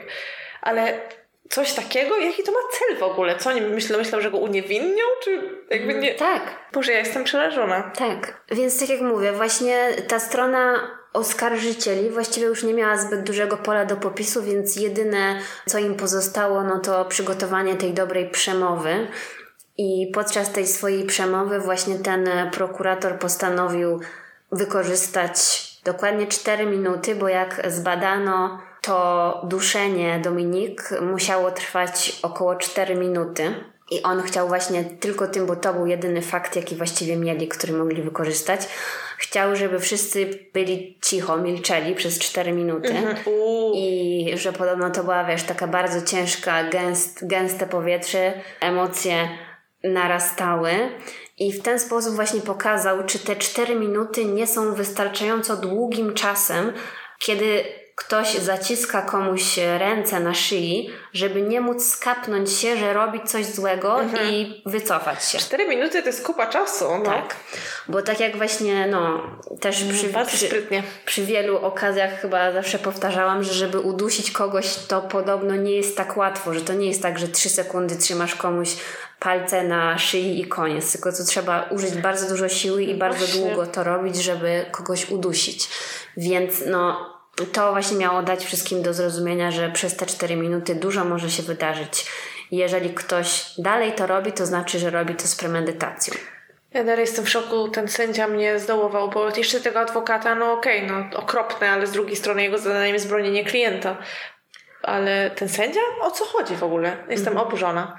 Tak, ale to na przykład jeszcze jest nie koniec, bo wyobraź sobie, że oni wprowadzili taką zasadę, która też oczywiście została wymyślona przez adwokata i poparta przez sędziego, że jeżeli którykolwiek z członków rodziny Dan będzie płakać na sali sądowej albo jakoś tak krzyczeć, emocjonować się, przewracać oczami, to będzie wyproszony z sali. Ja nie wiem w ogóle, czy kiedykolwiek ktoś coś takiego wymyślił, ale oni to wymyślili i to zostało przyklepane, więc oni mieli zakaz płaczu na sprawie sądowej dotyczącej morderstwa ich ukochanej córki. To jak naprawdę jak jakaś tortura. To brzmi jak tortura. Jakby mało tych ludzi złego spotkało. No ale na szczęście pozwolili policjantowi zeznawać, wyobraź Wow. sobie, więc naprawdę ja jestem zdziwiona, że na to pozwolili. No Pewnie ten... dlatego, żeby podkreślił, że, że Sweeney powiedział, że jeszcze sam sobie próbował zrobić krzywdę, żeby pokazać, jak się źle czuł po tym, jak się ocknął. Jezu. Tak, no ten policjant, on nazywał się Frank DeMilo. On był jednym z pierwszych, którzy przybyli na miejsce zdarzenia. I on e, zeznał podczas tego procesu, że Sweeney powiedział mu dokładnie coś takiego. Człowieku, spieprzyłem to, zabiłem ją. Nie sądziłem, że dusiłem ją tak mocno, ale nie wiem, po prostu ciągle ją dusiłem. Po prostu straciłem panowanie nad sobą i znowu to schrzaniłem. Zastanawiali się nad tym, co to znowu może oznaczać, ale w końcu nic z tych rozważań nie wyszło. Po prostu tak powiedział, albo ten policjant tak to zapamiętał. No i na sam koniec, oczywiście, e, Sweeney również zrobił swoje przedstawienie i zeznawał w swojej obronie, co było oczywiście obrzydliwe. Zmienili trochę jego wizerunek podczas tego procesu, bo cały czas chodził e, z Biblią i popłakiwał bardzo często. I jeżeli coś mówił, to mówił bardzo cichym głosem, no tak, żeby, no, oczywiście kazali mu zachowywać się tak, żeby wzbudzał współczucie. Szkoda, że się nigdy nie zapomniał przy ławie przysięgłych. No właśnie. Niestety właśnie oni tego jego ataku agresji nie widzieli, więc no, to przepadło. No i tak, według niego on twierdził, że nie miał zamiaru skrzywdzić Dominik wtedy, kiedy przyszedł do niej do domu. On twierdził, że oni tak właściwie to się pogodzili i że planowali wrócić do siebie i że podobno codziennie rozmawiali na ten temat, że wezmą ślub, że będą mieć dzieci. I podobno. Ale tego- wszystkie pogłoski przyczyły temu, tak? Pogłoski te oczywiście... Tak, ale pogłoski nie były dopuszczone do, do procesu. Nie, więc- przepraszam, przepraszam, że ci przerwałam, ale już mi ręce opadły do ziemi, no. No ale słuchaj, że w nocy tego 30 października, jak rozmawiali z Dominik, to ona podobno nagle zmieniła zdanie, powiedziała mu, że go okłamywała i że właściwie to ona nie chce do niego wrócić i że wodziła go za nos. Zła dziewczyna, nie? Ofiarę z siebie zrobił, nie? Tak, więc y, po tym jak ona mu to powiedziała, to on wtedy eksplodował, był tak zły, że musiał pojechać do niej do mieszkania, żeby to wyjaśnić. Więc Mhm. on po prostu był pod wpływem silnych emocji, bo ona go zaraniła, obróciła się przeciwko niemu, no i No cóż tak, jemu rację. pozostało. Wszystko jej wina, no. On też podczas procesu powiedział, że nie pamięta, co się wydarzyło, więc on nie pamięta, żeby ją atakował ani nic takiego. Pamięta tylko, jak się ocknął i że tak siedział na niej i trzymał ręce na jej szyi. I to tyle. Wtedy właśnie zdał sobie sprawę, że ona nie oddycha, więc on próbował ją uratować. To powiedział y, też podczas procesu. Niestety nie był w stanie jej o, ocucić, ale próbował wszystkiego. Próbował sztucznego oddychania i tak dalej. Podobno podczas tej reanimacji Dominik zwymiotowała. Nie wiem, czy to jest możliwe, no ale on tak zeznał, że ona zwymiotowała.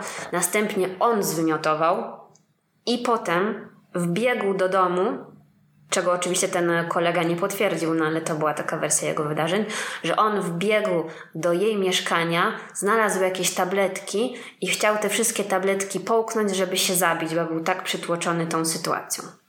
A znaleźli Potem- ślady tych tabletek wyciągniętych? Nie. Potem wrócił do ciała Dominik, położył się koło niej i czekał, aż razem umrą, czy coś takiego. No więc y, taka była jego wersja y, historii, no i mm, no nie wiem jak to tam było, czy jemu w to uwierzyli, czy nie, no bo dla wszystkich, y, którzy znali drugą wersję wydarzeń, no to była po prostu jakiś stek bzdur. No ale jeszcze jego adwokat oczywiście przyklepał to wszystko tym, powiedział, że jego klient nie działał złośliwie, nie zaplanował sobie tego wszystkiego i twierdził, że e, Sweeney był po prostu sprowokowany tym oszustwem ze strony Dominik. To znaczy dalej nie rozumiem koncepcji sprowokowania do zabójstwa, no ale okej. tak jak mówię, rozumiem, że nie wiem, jakby powiedział, że popchnął ją, bo się wściekł, ale znaczy to i tak nie jest fajne i nie robi się takich rzeczy, jest to złe. Ale no duszenie kogoś przez 4 minuty, bo nie wiem, to zła kobieta była, no to No właśnie coś, coś takiego.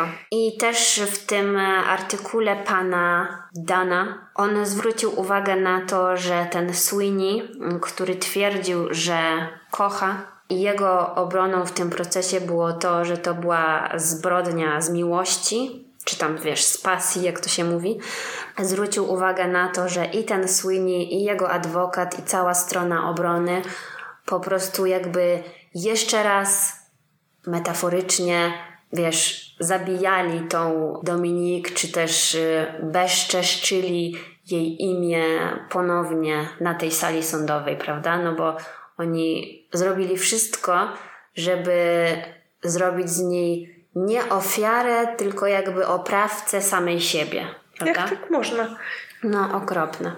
No i dla tej rodziny, która była tam Właśnie. obecna, no bo oni nie, nie odpuścili i oni byli tam codziennie, oczywiście tam na, na zmiany, ale cały czas ktoś od nich był na tym procesie, no to to było okropne do wysłuchiwania tych wszystkich kłamstw i oszczerstw na temat córki, która nie żyje, no bardzo przykre.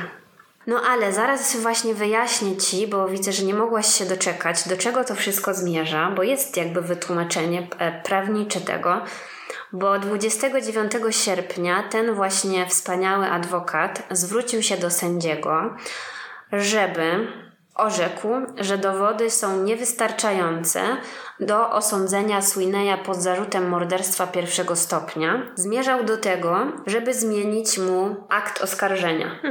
Znaczy kwalifikację czynu, tak? Tak, tak, tak. Sędzia oczywiście po raz kolejny przychylił się do prośby adwokata i poinformował ławę przysięgłych, że wolno im rozpatrywać jedynie zarzuty dotyczące zabójstwa lub morderstwa drugiego stopnia. No i tutaj chodziło o tą kategoryzację, no i oczywiście dodam też, bo też było w związku z tym zamieszanie, że ława przysięgłych to są randomowo wybrani ludzie, którzy nie studiowali prawa. No tak. I oni dostali jakieś tam instrukcje od sędziego, który podobno miał wyjaśnić im, jakie są różnice między tymi różnymi kwalifikacjami e, czynu morderstwa, czynu zabójstwa, no bo też morderstwo i zabójstwo to są inne słowa w języku prawniczym, umyślne spowodowanie albo nieumyślne no tak, spowodowanie mhm. i tak dalej. Ale ludzie trochę nie wiedzieli o co chodzi. I podobno tam niektórzy się dopytywali, ale ten sędzia mówił, że wszystko już im wyjaśnił i tak tutaj też być może pozostało jakieś niedopowiedzenie w tej kwestii, że oni właściwie nie wiedzieli na co go skazują. Ale 21 września 1983 roku, po ośmiu dniach obradowania, ława przysięgłych uniewinniła Swineya z morderstwa drugiego stopnia, czyli powiem tak, oni uznali, że on jest niewinny morderstwa drugiego stopnia, ale uznali go winnym po angielsku voluntary manslaughter, mhm. co po polsku można nazwać umyślnym zabójstwem. I być może to. Za to kara jest dużo niższa. Jest bardzo niska za to kara. O to chodzi, bo wiesz, jak mówimy między sobą zabójstwo, morderstwo, to wszystko wydaje się brzmieć tak samo. Ale chodzi o to, że w prawie jest ogromna różnica. Nie, no ja rozumiem, to tak jakbyś, nie wiem, nazywała wykroczenie przestępstwem, tak? Czy tam... No, ale chodzi mi o to, że bardzo jest możliwe, że my dużo razy popełniłyśmy tak. taką pomyłkę. Nie, nie, ale akurat jak są takie nazwy, to pamiętasz, zawsze wspominamy, że to jest... Yy... No, no, no. Przynajmniej próbujemy, nie wiem, może czasami to wycinamy. No i dodatkowo został również skazany za wykroczenie za napaść na Dominik, która miała miejsce 26 września 1982 roku, ale za to mu dodali 6 miesięcy. Za to tam, że ją chciał dusić, wiesz, czy coś. Więc y, kiedy ten werdykt został ogłoszony, no to oczywiście tam na sali wszyscy zrobili niedowierzanie. Maksymalny wymiar kary dla tego Swineya mógł wynieść 6,5 roku za to, co zrobił. I też w przypadku takiej e, kary i takiego przestępstwa było tak, że skazany zostaje automatycznie zwolniony warunkowo po odbyciu połowy kary, bez konieczności przechodzenia przez rozprawę mhm. w sprawie zwolnienia warunkowego, bo traktują to tak lekko. Mhm. Więc licząc czas spędzony w więzieniu między aresztowaniem a wyrokiem, dodatkowo po zakończeniu tego procesu Sweeney miał e, spędzić w więzieniu 2,5 roku. Także to jest po prostu coś okropnego, nie? Po tym werdykcie odbyły się liczne protesty przed sądem, na przykład pan Dominik Dan i jego rodzina wyrażali swój sprzeciw, swoje oburzenie w mediach, no ale co to dało? No, no nic to nie dało. E... Co ten sędzia odwalił w ogóle, no? Mm, no to jest ciekawe. Ten, ten adwokat to jakiś jego kolega? O co chodzi? Ja nie rozumiem. Nie wiem. Jestem strasznie oburzona, naprawdę. Po co opowiadasz tę sprawę? Wiesz co, ja wiedziałam, co ją spotkało mniej więcej, ale nigdy się nie zagłębiałam ym, w jakieś te sprawy sądowe i tak dalej. Wiedziałam właśnie, że ją zabił jakiś typ, ale nie... No właśnie dlatego przez tą niesprawiedliwość wydaje mi się, że on poczuł takie powołanie, żeby relacjonować mhm. takie skandaliczne sprawy. No ale jeszcze nie skończyłam, bo właśnie ta mama Dominik Leni Mhm. Po śmierci córki e, również zmieniła kierunek swojego życia i mimo swojej choroby e, stała się aktywistką i założycielką organizacji Justice for Homicide Victims, czyli Sprawiedliwość dla ofiar przemocy i była w tym bardzo dobra i ta organizacja podobno zrobiła właśnie bardzo dużo dobrego, żeby uregulować jakieś tam kwestie właśnie prawne w tego typu sprawach. Po procesie ten Sweeney został osadzony w więzieniu o średnim poziomie bezpieczeństwa w Kalifornii. Został zwolniony warunkowo we wrześniu 1986 roku po odbyciu 3 lat, 7 miesięcy i 27 dni z tej oryginalnej kary 6,5 roku. Trzy miesiące po jego wyjściu z więzienia, Sweeney został zatrudniony jako szef kuchni w restauracji też kolejnej ekskluzywnej, która nazywa się The Chronicle w Santa Monica w Kalifornii. Ale co zrobiła rodzina Danów? Oni, to znaczy matka i bracia, dowiedzieli się o tym, że ten mężczyzna tam pracuje i zaczęli stać przed tą restauracją i rozdawać ulotki klientom, na których było napisane, że jedzenie, które będziesz jeść, zostało przygotowane przez mordercę. Wow. No, także. No to grubo polecieli. No i on właśnie przez to rzucił pracę w tej restauracji i troszeczkę zakopał się pod ziemię, bo podobno wyprowadził się z Los Angeles i następnie zmienił nazwisko, no i właściwie trochę się ukrywa przed nimi, no bo też pan Dominik Dan Podobno przez długi czas wynajmował jakiegoś prywatnego detektywa, żeby śledził jego poczynania i też jak doszły ich słuchy, że on ma się związać z jakąś e, kobietą, to uderzyli do tej kobiety i powiedzieli, że no wiesz, on zabił naszą e, córkę, więc nie powinnaś się z nim spotykać. No ale potem podobno ten pan Dominik no powiedział, że już no, trochę żałuje tego, co robili, że już dał sobie spokój i nie interesuje się nim i po prostu już to zostawił w przeszłości, ale no wiadomo, na pewno złość ich była taka ogromna, że nie wiedzieli, co z tym zrobić, mm-hmm, nie? Mm-hmm. No tak. No nie wiem, to, tak się trochę dziwnie poczułam, jak powiedziałaś o tych prywatnych detektywach i tak dalej, bo to już takie trochę... Nie, no ale z drugiej no. strony, jak oni musieli się czuć w tej... Boże, to straszne, naprawdę nie wyobrażam sobie, jak traumatyczne to musiało być przeżycie. Mhm. Ten artykuł, o którym cały czas mówiłam, powstał właśnie z zapisków, które pan Dominik prowadził podczas tego procesu. Tam naprawdę jest bardzo dużo szczegółów i są jego takie osobiste przemyślenia dotyczące tego, jak dowiedział się, co z tą córką się stało, jak leciał do Los Angeles, potem cały ten proces i końcówka, także tam jest bardzo dużo szczegółów też o pogrzebie tak dalej. Także no tam jest wszystko napisane z jego perspektywy, więc jeżeli Was to w jakimś stopniu zainteresowało, to odsyłam, bo dużo rzeczy pominęłam. Nazywa się Sprawiedliwość relacja ojca z procesu zabójcy jego córki. Ukazał się w 1984 roku w marcu w Vanity Fair. No, także no nie wiem, bardzo mnie to zainteresowało w sumie jak się życie może zmienić kompletnie bieg właśnie przez takie wydarzenie, bo i on zmienił swoją karierę, powiedzmy, też jego żona zupełnie zmieniła to, czym się zajmowała właśnie przez tą tragedię, która się wydarzyła, więc. Mhm. Także to tyle, jeżeli chodzi o mnie. Dużo źródeł jeszcze mogę Wam podać, także napiszę, co trzeba w opisie do tego odcinka. Ja teraz idę wypić melisę. I co? Dziękujemy naszym nowym patronom, Martynie i Arianie. Dziękujemy za uwagę i do usłyszenia za tydzień. Do usłyszenia.